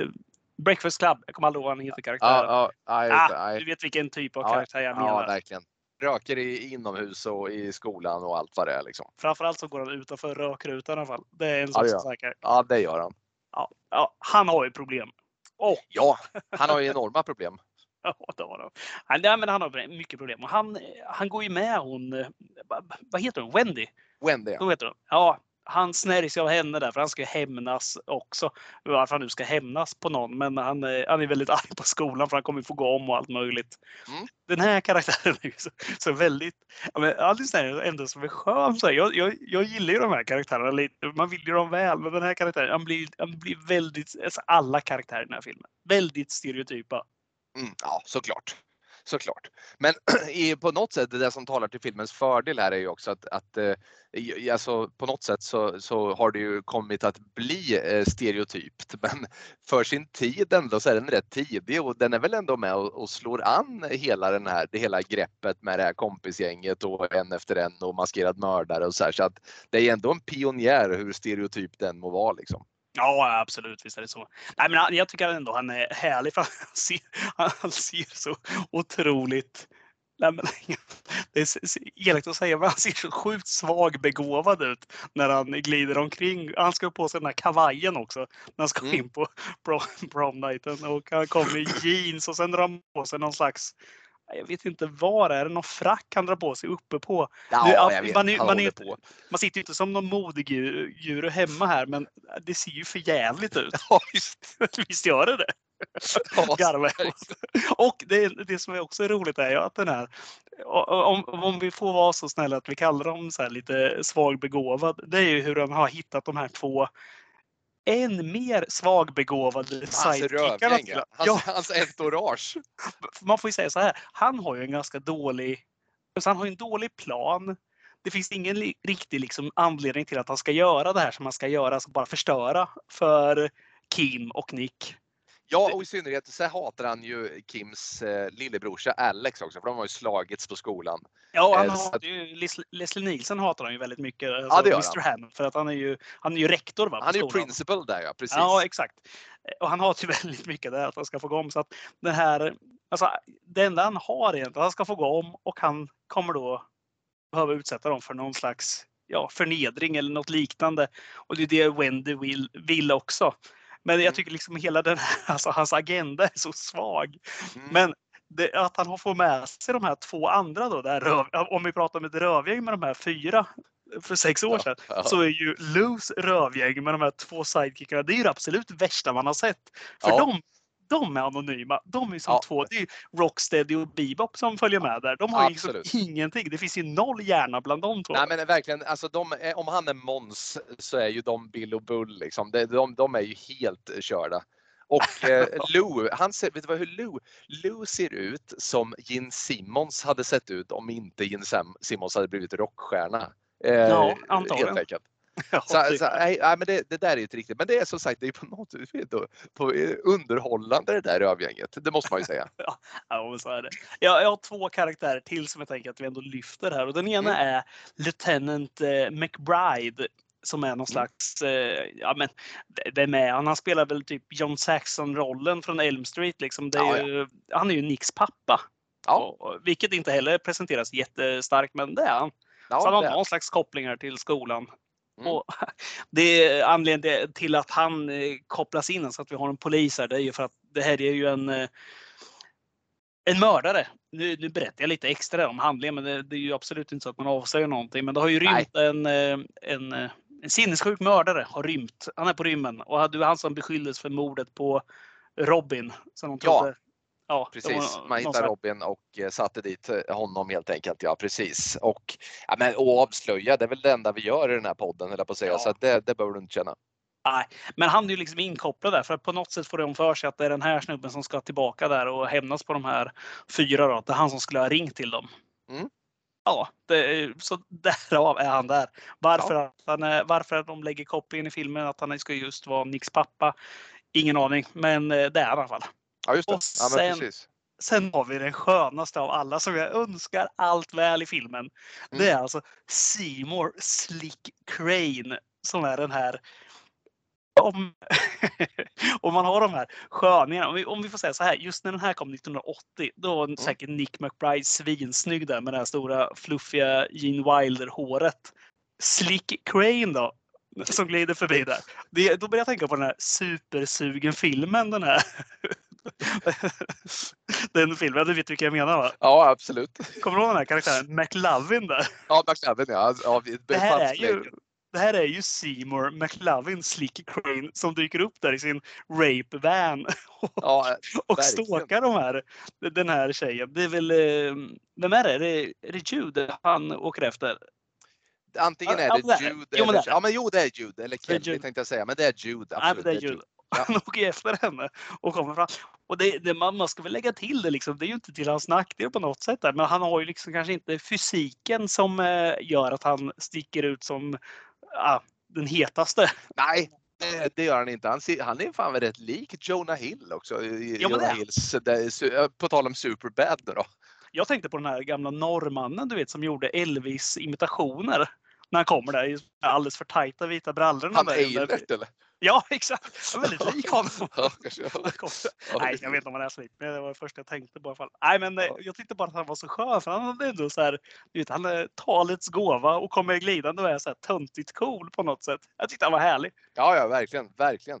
Ja, han blir ju ja. i alla fall eh, Judes date för, eh, för balen. Men du, ska vi eh. lämna karaktärerna där? Det är ju de vi ja, har. Men det, men det är ändå, tycker jag, det här har vi ju gjort det. Det är ju ett, ett, det är som en palett av karaktärer där. Jag tänker vi gör så här. Vi går direkt på hotet tycker jag. Det är väl en bra brygga. Hotet. För eh, vem är det som ringer de här fyra?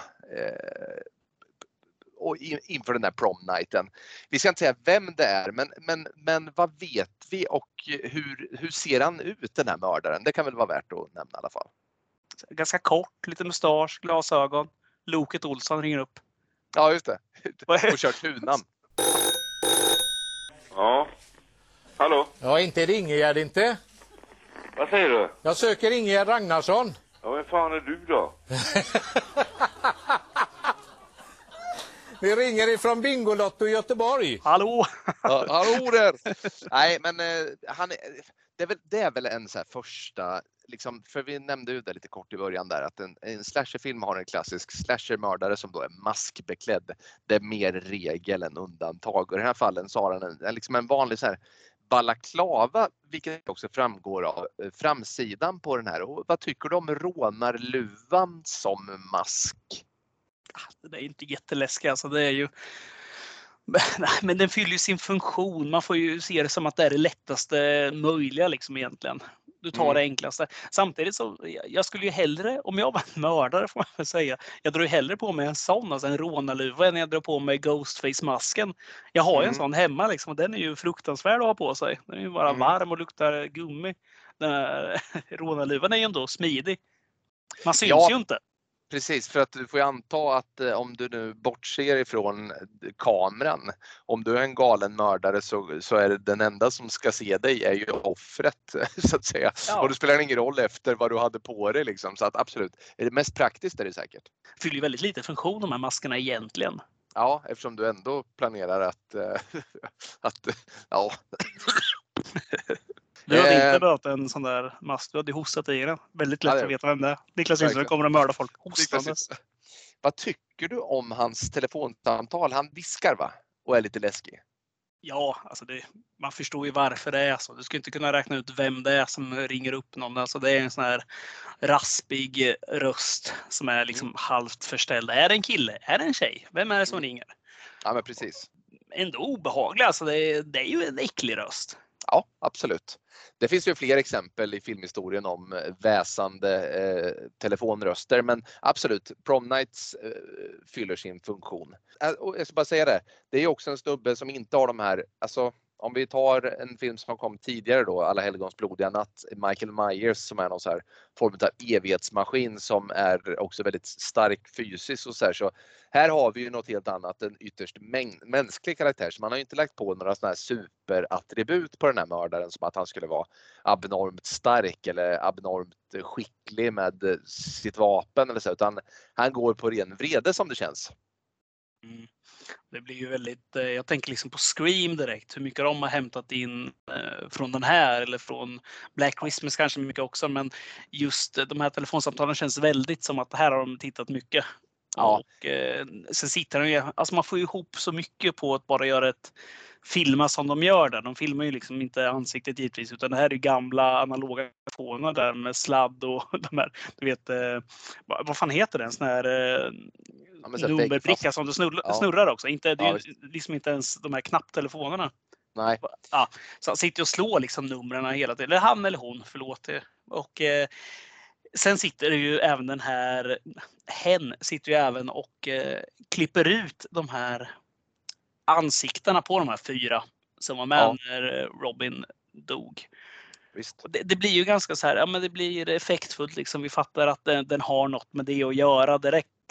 Och det, jag tycker det är ganska obehagligt. Jag tycker det är snyggt. Jag tycker klippningen är jävligt snygg här.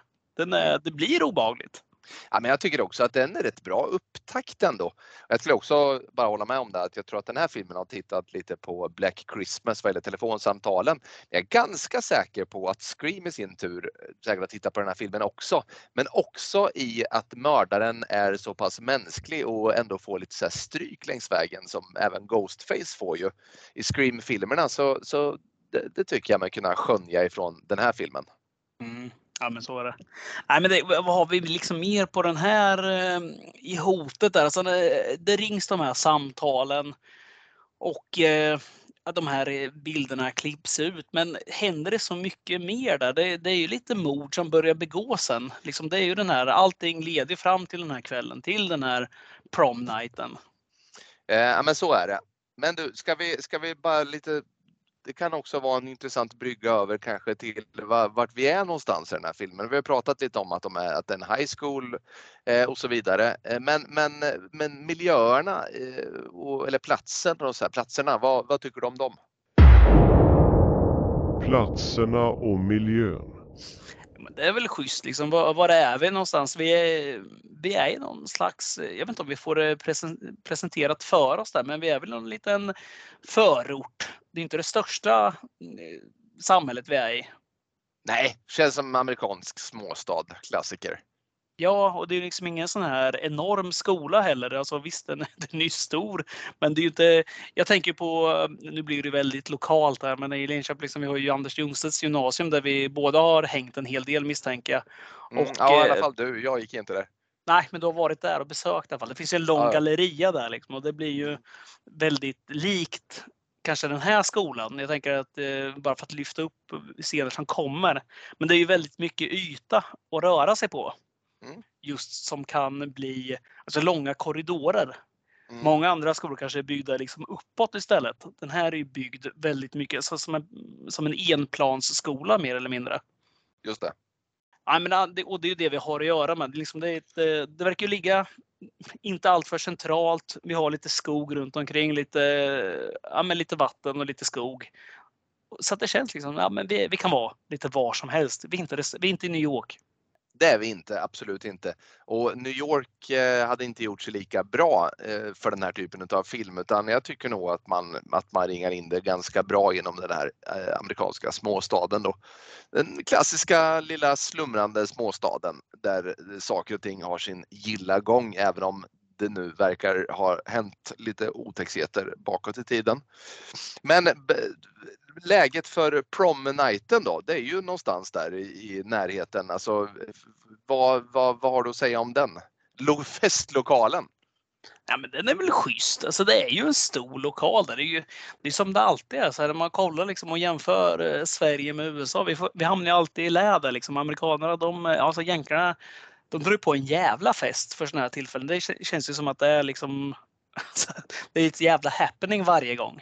Mm. Här i Sverige hade vi kanske, kanske om någon slöjdlärare hade orkat bygga en scen. Hade, hade Sune, min gamla lärare i, i träslöjd, ställt sig och byggt en scen, då hade vi haft den ungefär.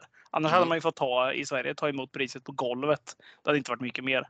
Men här slås det ju liksom på stort. De har ju, alltså så här, eh, vad säger man, inövning, alltså rehearsal, vad fan säger man? Alltså Mm. så här, de, de går in liksom och testar. Så här, så här ska ni gå in och så här ska ni dansa och det här är, det strobbar hit och dit. Jag kan ju tänka mig att så här ser det ut när man liksom ska ha en mindre artist i Sverige som ska uppträda på Ja, men inte Globen, men Annexet eller liknande. Liksom. Det är så, här, Mm. så pass hårt går de in för en sån här grej. Ja men det gör de. Och Jamie Lee Curtis står ju till och med och öv, övningsdansar lite till diskomusiken. Och den här diskomusiken är ju värd att, för att filmen i, sitt, i sin anda är nästan lite mer 70-tal än 80-tal.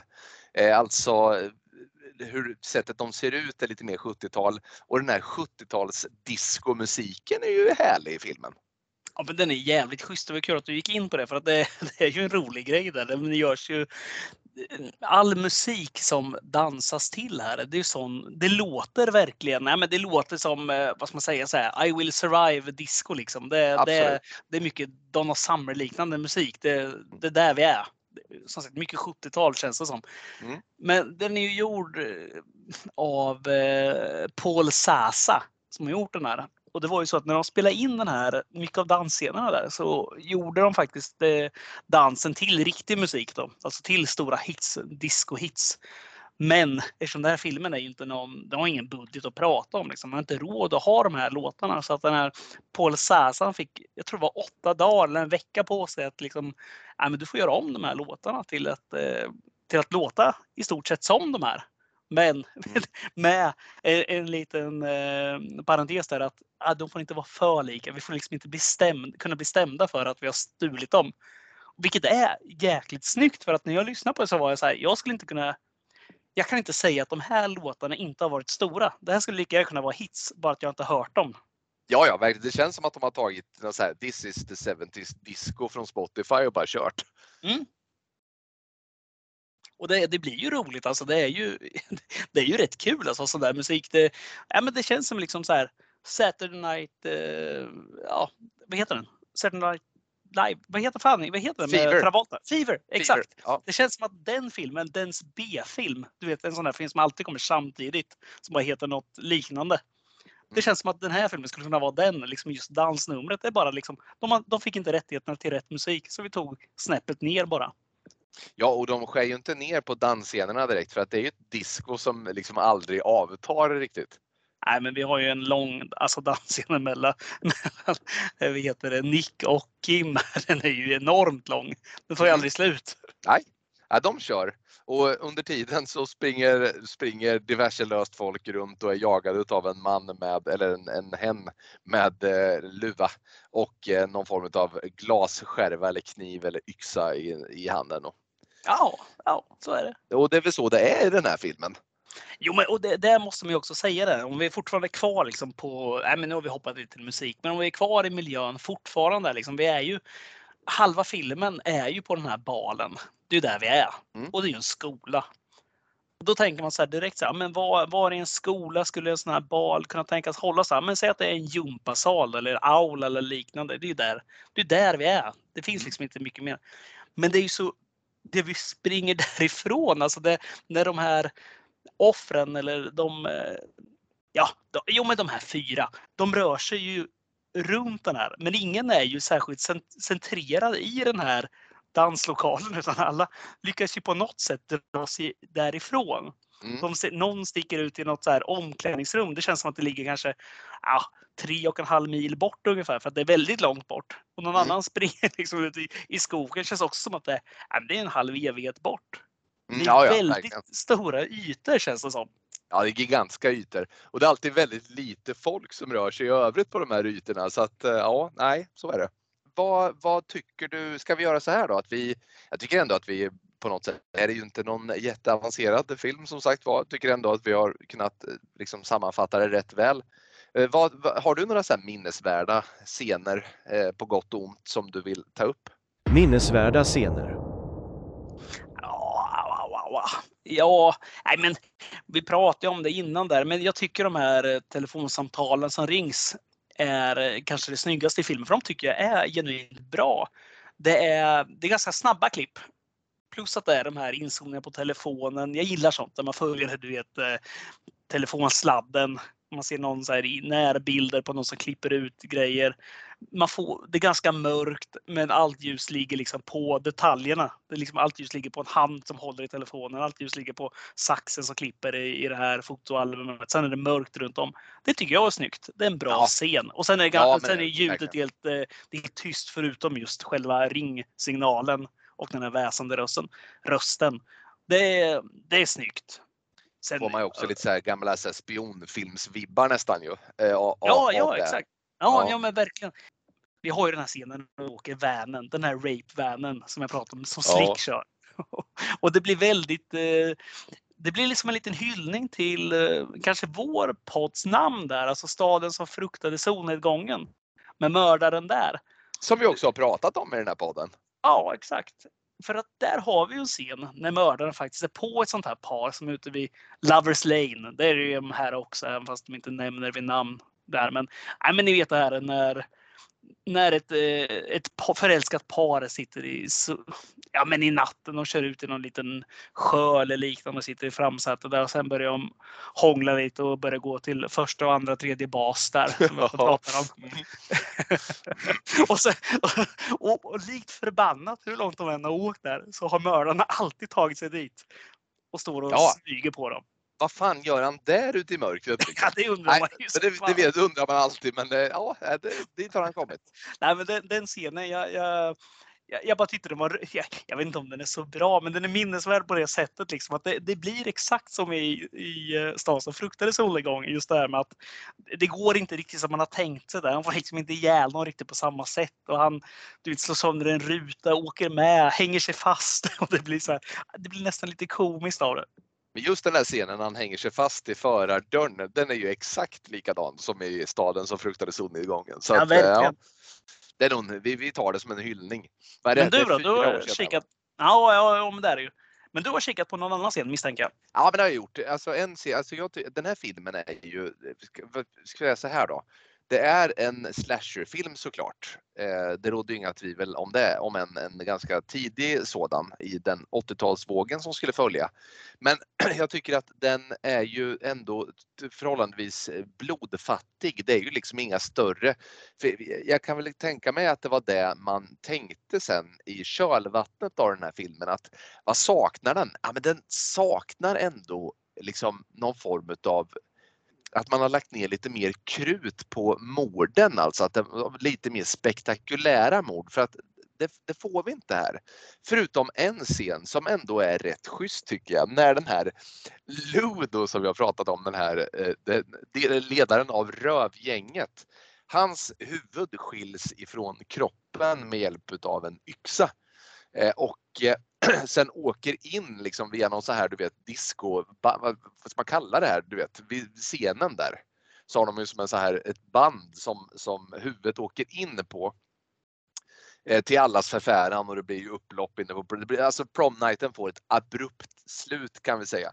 Men det är väl det närmsta vi kommer en modern slasher hur de skulle bli. Alltså eh, vad gäller spektakulära dödsfall och spektakulära mord. Så, så att den tycker jag ändå var, den hade de lagt lite krut på. Så det, det piggade upp tyckte jag. I en i övrigt eh, film som, som som sagt innehåller betydligt mindre av den varan än vad de kommer att göra senare då. Så den gillade jag.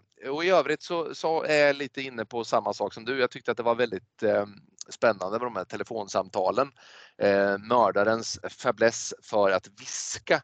Jag vet att jag reagerade på när, de, eh, när det blir någon form av sista fight där mellan eh, Nick och Kimberly och den här mördaren då som, som gör upp. Så, så trots diskodunket så viskar mördaren eh, åt dem och viskningarna överröstar all musik. Så han har ett tryck i rösten också. Han har ingen hosta han inte. Nej, det har han inte. Men du, eh, ska vi, bara, ska vi lyfta redan här alltså. Känner du så här 1 till 10 hur säker, eller förlåt, hur osäker var du på vem som var mördaren? Nej, men jag kan säga helt ärligt så här till dig.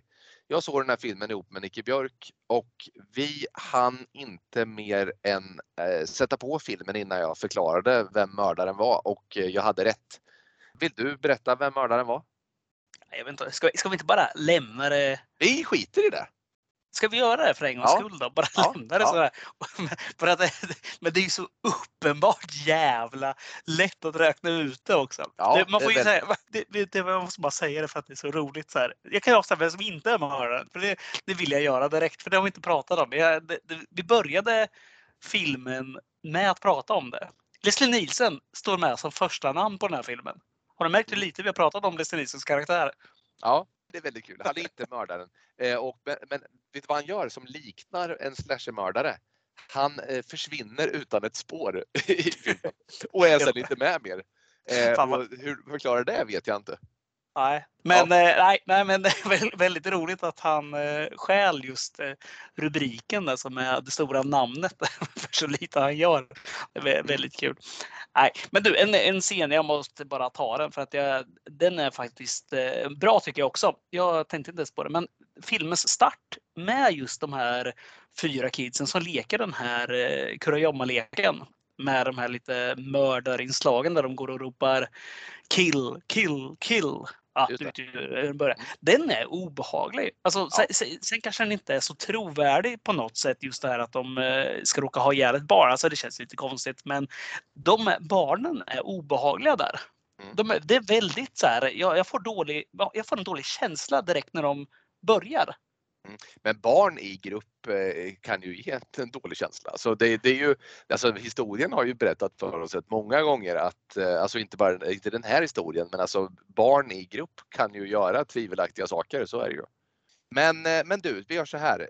Vi, vi ska inte avslöja mördaren utan jag låter dig nämna eller liksom säga ett par ord om filmen och sen så, så sätter du ett betyg också. Ja, man får väl göra det. Nej, men jag, ja, ska man säga? Jag, jag hade ganska kul när jag såg den här filmen. Jag, jag tyckte den började schysst med de här barnen. Då var det obehagligt. Det var lite så Stephen King-början. Lite för snabbt går det. Jag får inte den här känslan riktigt av att det här är en jättestor hemlighet. Det här att de har haft ihjäl henne. Jag hade behövt en mycket längre startsträcka. Den, den, här- den, hade film, den här filmen hade gynnats av att ha kanske 15 minuter längre intro så att man verkligen fattar att de hade en vänskap de här och att eh, det var en olyckshändelse och bla bla bla bla lite mer. Sen tycker jag det är obehagligt med de här telefonsamtalen och att jag fattar att de ska ha den här planen. Det, det är så många filmer som jag bara tänker på. Jag tänker liksom direkt på Carrie, liksom att de ska ha den här eh, hemska planen och sabba för någon. Liksom det är väldigt mycket den stilen och just på prom night också. Sen kommer det här diskodunket och ja, det, det är väl kul liksom till viss del och den här dansscenen tar lite för mycket plats. Sen har vi de här otroligt långa, långa, långa scenerna när mördaren jagar tjejerna. Det tar aldrig slut. De springer i en halv evighet. Sen kommer mördaren i fatt. Då springer de igen. Och han jagar och kommer i fatt. Och så springer de igen och jagar och han kommer i fatt. Och det tar aldrig slut. Och det blir väldigt lite blod. Det blir väldigt lite härliga såna här kreativa dödsscener. Annars brukar man ha någon så här.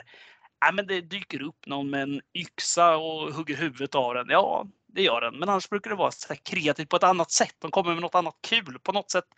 Men Myers han stäbar någon mot en vägg och låter den sitta fast där med kniven igenom och hänger upp den liksom som en tavla. Här har vi inte något sånt. Liksom. Det är väl att den är så tidig. Och filmen tappar mycket på att den är den kommer efter, i alla fall den kommer efter Halloween och eh, Black Christmas. Och den liksom, den, är- sen, sen, sen är det ju att fredag den 13, den är ju ballare. Alltså den har ju Jason och den kom ju samtidigt liksom 1980 har jag för mig. Eller tänker jag fel här? 1980. Jag tror att den här filmen kommer eh, två månader före, släpps två månader före fredag den 13 del 1 då. Jag tror. Ja. Och, och den här filmen har liksom inte det fredag den 13 har. Den har ingen alltså, karismatisk mördare på det sättet. Du, du kommer inte ihåg den här mördaren på något sätt. Den här jävla skidmasken, det kan väl vem som helst slita fram. Alltså, Jason i början, ja visst han har en liten eh, säck på huvudet, men han får sin mask senare. Men den här mördaren är så jävla anonym och det är tråkigt. Det blir tråkigt. Han rör sig som en människa. Hon, han, hen rör sig som en människa. Och det, ja, men den har inga, ingen hittepå, ingenting som är, gör, ingen USP alls. Det finns ingen USP i den här mördaren. Det är tråkigt. Så att den här filmen, nej, den blir Ja, är den bra? Alltså den är bra för att vara tidig. Om man inte tråkigt, men jag kommer inte komma ihåg den alls. Det här försvinner snabbt ur minnet. Eh, ja, precis. Jag, jag är väl egentligen inne lite grann på samma saker som du är inne på här. Um, Fredag den 13 kommer ju som sagt vara, den, den kommer ett par månader efter. De spelar säkert in samtidigt, men första fredag den 13 filmen har ju betydligt mer av, av det som kommer att utgöra liksom det karaktäristiska för slasher-genren. Den här filmen är ju det som, som gör den här filmen bättre i så fall är ju att den här är ju spännande på ett annat sätt. Speciellt inledningsvis kan jag tycka. Och man sitter ju i alla fall, jag gjorde det och, och kände länge så här att eh, ja, fan ska hända nu på den här eh, promnighten? Var han förberett för dem? Men känslan genom hela filmen är ju att det inte har förberetts någonting utan att mördaren ska ta det här lite på uppstuds liksom. Han stalkar dem och är läskig i början men sen så är det mest tillfälligheter som, som spelar in sen under prom-nighten när, när väl morden börjar. Och det, det kan jag också tycka är så lite, lite fattigt. Och som du sa också där, repeterar det du säger igen här nu då, men, men, men Alla helgons blodiga natt som ändå är ett par år tidigare, den har ju mycket av, av karaktäristiska mord och saker som är, som är betydligt mer liksom iscensättande. En mördare som är betydligt mer liksom minnesvärd som sagt var. Eh, så, att, så jag, jag, tycker nog inte den här filmen kan skylla på att den är tidig när vi har sett Eh, betydligt värre saker innan detta. Liksom. Men det blir tydligt varför fredag den 13 trummar på extra sen och även The Burning som jag pratade om tidigare, den kommer ett år senare. Men den är otroligt mycket mer grafisk och, och har väldigt mycket mer idéer om vad, vad liksom Eh, morden skulle kunna innebära och också i effekter. För den här filmen har inte mycket effekter. Så att eh, nej, den är väldigt tidig och den är väldigt faktiskt långsam, ibland händelsefattig. Men faktum är att jag hade ändå inte tråkigt när jag såg den här filmen. Jag tyckte att den var rätt schysst. Sen kommer det gå några år och jag kommer inte minnas Prom Night, eh, antar jag. Så att jag återigen då för att använda det här nya betygssystemet som vi har satt upp så skulle jag säga att det här är en, en bra film om man gillar slashergenren eh, även om den inte är minnesvärd, för det är den inte utan den, den är ganska standard och den är ganska mild. Så om man är en person som vet med sig att man tycker det skulle kunna vara lite spännande med eh, några som har en mördare på halsen men där morden ändå inte är så pass grafiska som de skulle bli, ja men då kan man väl kanske börja med Prom Night och, och, och bygga vidare därifrån. Så att, eh, ah, 1 till 5. 3. 3 från Niklas. Är, är vi på 1 eh, till 5 numera? Nej, jag, jag, jag, om vi skulle återgå så har det det. Annars enligt vårt nya betygssystem så är den bra men inte minnesvärd. Jaha, ska ja. vi lämna diskodunket bakom oss? Mm, det gör vi. Och ja. eh, ska vi göra så att vi nämner lite, för vi, vi nu släpper vi det här avsnittet eh, och eh, det kommer bli på fredagen den, eh, inte 13, det hade varit, det hade varit något, men det är imorgon, eh, tisdag den 13. Eh, vad har vi? Vad är det för, vad är det för datum på fredag nu då? Det är den på 16. fredag 16. Då släpper vi det här avsnittet. Mm. Eh, och innan dess, eh, innan julafton så ska vi också hinna med ett annat avsnitt tänkte vi. Och vad, vad har vi planerat då Hoff? Ja, egentligen skulle vi ha kört, kört vidare på uh, Gates of Hell-trilogin, men den får, den får leta sig in uh, efter jul. Fulci får vänta. Mm. Och vi, vi hoppar väl egentligen tillbaka till det vi har pratat lite om. Vi, vi måste ju ha någon slags julanda i avsnittet. Då har vi köpt lite julklappar till varann och vi kommer se Black Christmas. Om vi nu pratar tidiga slashers så är vi väl väldigt tidiga i och med den filmen. Så att det ska bli väldigt kul att prata eh, som en liten julmysfavorit där vi också som sagt var byter julklappar med varandra. Det blir ju trevligt och det ser vi till att släppa då innan julafton. Ja, det blir bra. Det blir mycket bra. Ja. Jaha. Är det så här vi lämnar? Får vi höra nu när vi, när vi rider ut i natten som eh, Leslie Nielsen? Men vi gör det. Vi, vi gör exakt vad Mr Hammond gör i den här filmen. Leslie Nielsen. Va- Hur Leslie Nielsen lämnar Prom Night. Han bara försvinner. Rakt ut, kommer aldrig mer igen i filmen. Berör ingen mer på något sätt. Han försvinner i nattens mörker.